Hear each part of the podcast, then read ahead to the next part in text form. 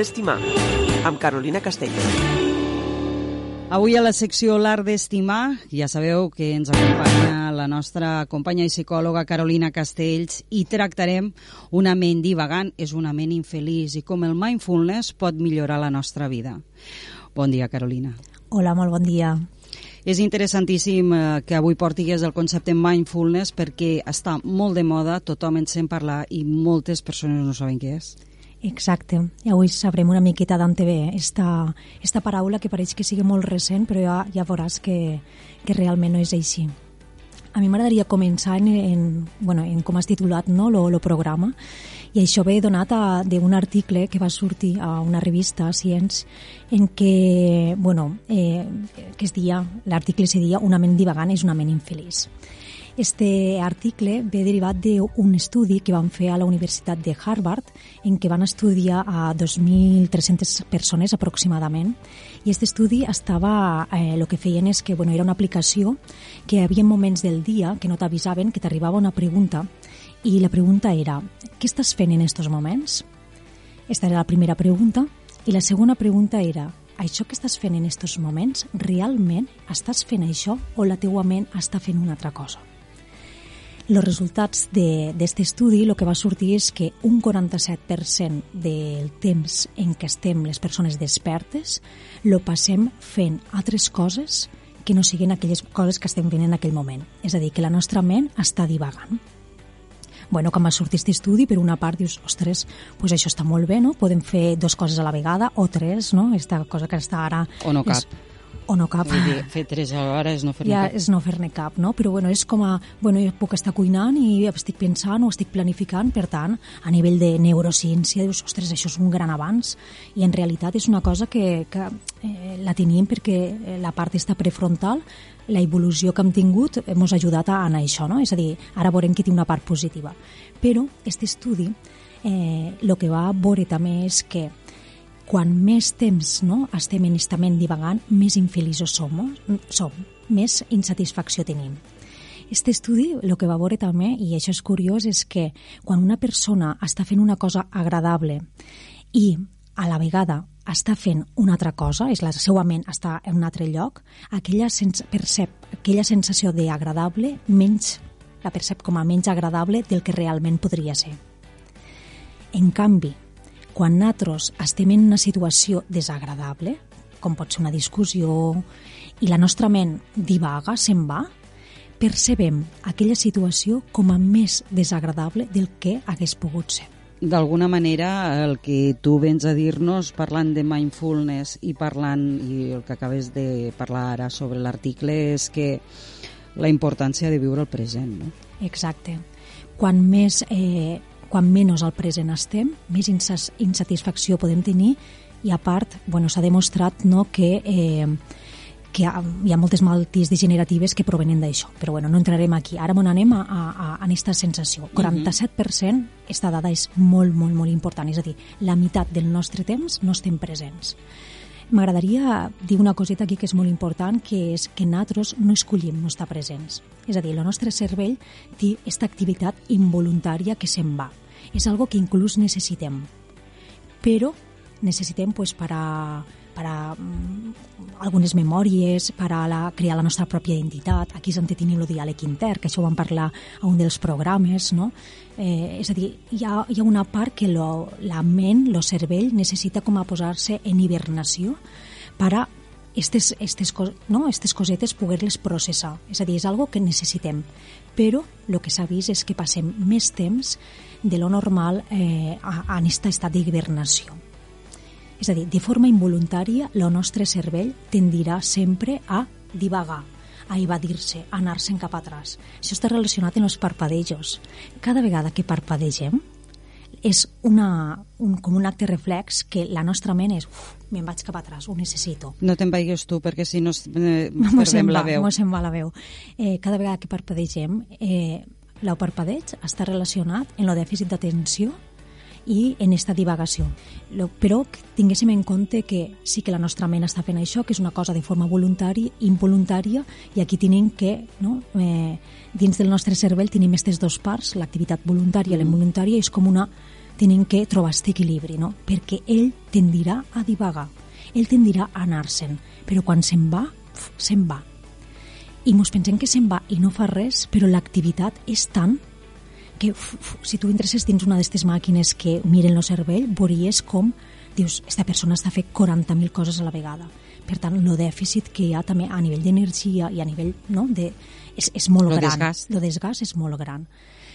Per tant, eh, és a dir, són estudis que s'han vist eh, i que ens està passant a moltíssimes persones i aquí sí que entra no, esta part de mindfulness, no, que dius, bueno, ja que la nostra part de, no, és una cosa involuntària i que ens en va cap allà, què podem fer nosaltres per a ajudar-lo no, a que se'n vagi cap a la part està més voluntària per estar present aquí a I l'ara. Carolina, per què el nostre cervell està voluntat de marxar del present? pues no se sap, no se sap perquè està, ell, eh, ell tendeix a anar-se'n a divagar, tendeix a, a divagar, és com algo involuntari i que tendeix a anar-se'n cap a lo, pues, com a, pues això, a 40.000 coses a la vegada. Uh -huh. Però que realment és important pues, que poguéssim nosaltres reconduir-lo, almenys que féssim pues, este exercici de forma pues, més cons conscient, no? per a, que, per a millorar, com hem dit abans, les, les nostres vides, per a millorar este nivell de- d'insatisfacció que hem dit, pues, nosaltres no volem no? que això ens passi. Uh -huh. Llavors, bueno, el primer pas, no? aquí entra també el mindfulness. Mindfulness, eh, tot i que és una paraula que ara es porta molt i que ens pensen que és molt recent, que sabessin que el mindfulness va començar fa 2.600 anys al Nepal. Hi havia una persona que es deia Siddhartha Gautama, que el que va fer és que ell volia saber quin era l'origen del patiment humà i com podia transcendir este patiment. Llavors va començar tot un procés que va durar molts anys. Ell mateix personal, és a dir, ell era científic del seu propi eh, ment, cervell, i a través de la meditació, sobretot, va poder aconseguir este estat de, de plenitud, de d'il·luminació, no? Llavors, aquí és quan lo van anomenar Buda, que tothom lo coneixem no? com a Buda, i ell el que va dir és que aquest estat d'il·luminació, no? que és quan te trobes tu la, la plenitud, no solament ho pot aconseguir ell, sinó que tots estem preparats no? per aconseguir este, esta plenitud. Almenys la capacitat la tenim tothom. I el que va fer és que va traçar un camí de vuit passos i dins d'estos vuit passos hi havia un pas que seria sati, però que després bueno, és el mindfulness, ¿vale? que era l'atenció plena. Aquí a Occident, la persona que ha portat el mindfulness se diu John Kabat-Zinn i ell, a través d'un programa que és MBSR, que és la reducció de l'estrès basat en mindfulness, eh, és qui realment pues, ha divulgat no? i ara és tan conegut este mindfulness. Podríem dir que el mindfulness és una part de la meditació. Si m'on anem a la definició de mindfulness és prestar atenció deliberadament al moment present, a tot allò que està passant. És a dir, si tu estàs meditant, pots prestar atenció als teus pensaments, a la teua respiració, a les emocions... També pot ser que estigues mirant alguna cosa, prestes atenció a lo que veus, als sorolls, sense quedar-nos atrapats allí, en aquests pensaments, emocions, el que sigui que tinguéssim, que moltes vegades passa això, i sense jutjar. Això seria mindfulness. Uh -huh. I això que pareix que sigui tan fàcil és molt, molt, molt difícil. I us ho dic en primera persona perquè quan vas a posar l'atenció la ment se'n va. La prestes un momentet però la ment se'n va. Llavors, el que tenim que fer és, sense jutjar-nos, en el moment que ens adonem que la nostra ment se n'ha anat, és com a que, vale, me dono compte, això és molt, és a dir, el que va trobar Buda és que la ment anava i venia, això eh, ho va veure ell ja, i això és algo que hem de ser conscients, vale, perfecte, me'n dono compte que la ment se'n va, però torno al moment present. Me'n dono que la ment se'n va i torno al moment present, sense judici, i així anar entrenant, entrenant. Això seria lo, lo mindfulness. Que a diferència d'altres meditacions eh, és una part de la meditació Uh -huh. Moltes vegades confonem eh, meditació mindfulness, no? la gent li diu tot igual, quan en realitat és una part. Dins de les meditacions hi ha moltes escoles, hi ha moltes formes de meditar. Quan més entrenéssim això, pues, menys la nostra ment divagarà, més feliços serem, més presents estarem, bueno, etc, etc. Que hi ha moltes cosetes que sí que podem fer per a estar presents aquí i l'ara i que els beneficis, pues, al final, millora la nostra vida. Per descomptat. Eh, Carolina Castells, un dels elements característics de tu i que també són diferenciadors és que no només ets professional de la psicologia sinó que moltes coses de les que mos, que mos expliques i mos trasllades les, te les apliques o almenys intentes conèixer-les jo sé que estàs en un procés d'anàlisi d'això que ens estàs explicant no et quedes només amb el titular tu ets una persona de veure què és i sí que ens agradaria estar al moment què en penses del mindfulness tu com a experiència pròpia Bueno, la meva experiència és que és molt, molt, molt complicat. Jo sóc, eh, cadascú hauríem de veure cada, no? com és. Jo sé que tinc una ment molt ràpida, molt divagant, sóc conscient d'això, no em jutjo, que és un gran pas, sóc conscient de que la meva ment va i torna i que al final és un treball una constància no? i que, que s'ha de practicar. I com he dit abans, en el moment que practiques i que pots aconseguir no? estar este rato per a tu, que són a vegades poden ser 10 minuts, o pot ser una exploració corporal de 40 minuts, no? en què bueno, explores tot el cos, cada part, eh, te'n dones compte que després estàs diferent. estàs molt diferent en les persones, llavors, ostres, dius, val la pena, no?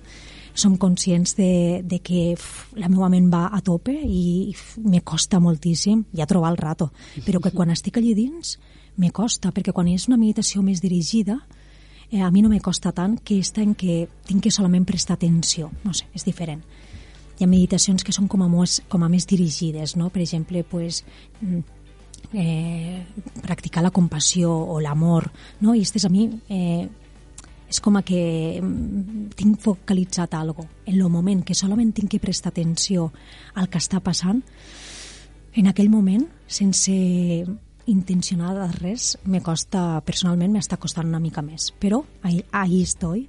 És a dir, és un programa de 8 setmanes, jo vaig per la tercera setmana, és el programa este de eh, MBCR, i, i bueno, ja us aniré contant d'aquí 8 setmanes. Sabies que a partir de les quartes setmana ja hi ha canvis a nivell cerebral i a la vuitena setmana ja se queden, se queden ja com a instaurats. No sé si ho aconseguirem o no, però bueno, a veure què és el que passa.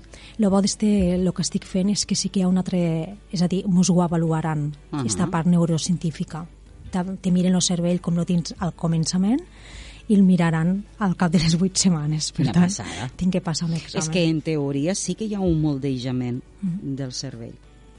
Sí, sí. A la vuitena setmana, ja, a la quarta hi ha un notes i a la vuitena ja te se queda instaurat. I el bo és que aquí, al programa del recapte, podrem veure l'eficàcia d'este programa. A veure, a veure si és així. Veurem, veurem in situ els efectes del mindfulness.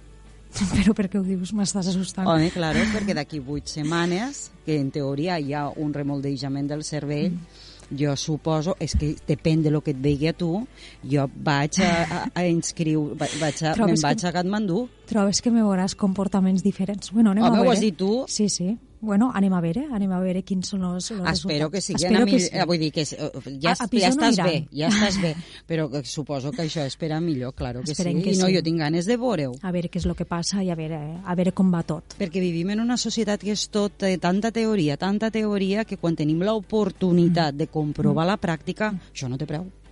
Sí, i després, eh, bueno, a nivell de professional també moltes vegades el que fas és recomanar a les persones Clar. perquè tu ho has llegit, no? I tu saps que hi ha beneficis i que és molt important això. Però, claro, no? jo crec que passar per aquesta fase primer abans de recomanar és molt important, no? Perquè tu pots fer, bueno, saps que allò és bo, però quan tu has passat i saps quines dificultats se pot trobar aquella persona que la tens al davant, crec que això ja és una altra, una altra història, no? És I un altre nivell. és un altre nivell, pots acompanyar d'una altra forma, pots entendre d'una altra forma, per tant, jo crec que és algo que, que, bueno, que, que necessitava també a la, a la meva vida practicar-ho. Ets una professional, ja t'ho dic, molt completa, no només per la teva formació, sinó pel fet de que eh, la naturalitat en la que expliques tot i no necessites parlar de terceres persones, parles de tu mateixa. Ja ho poso en pràctica Això és tot. una meravella. Sí. Això no té preu. Bueno, Bueno, Carolina, que tingues molt bon cap de setmana. Moltes Això, gràcies. A, a la secció d'avui farà pensar a molts i moltes. ojalà. A mi sempre la teva secció me fa pensar.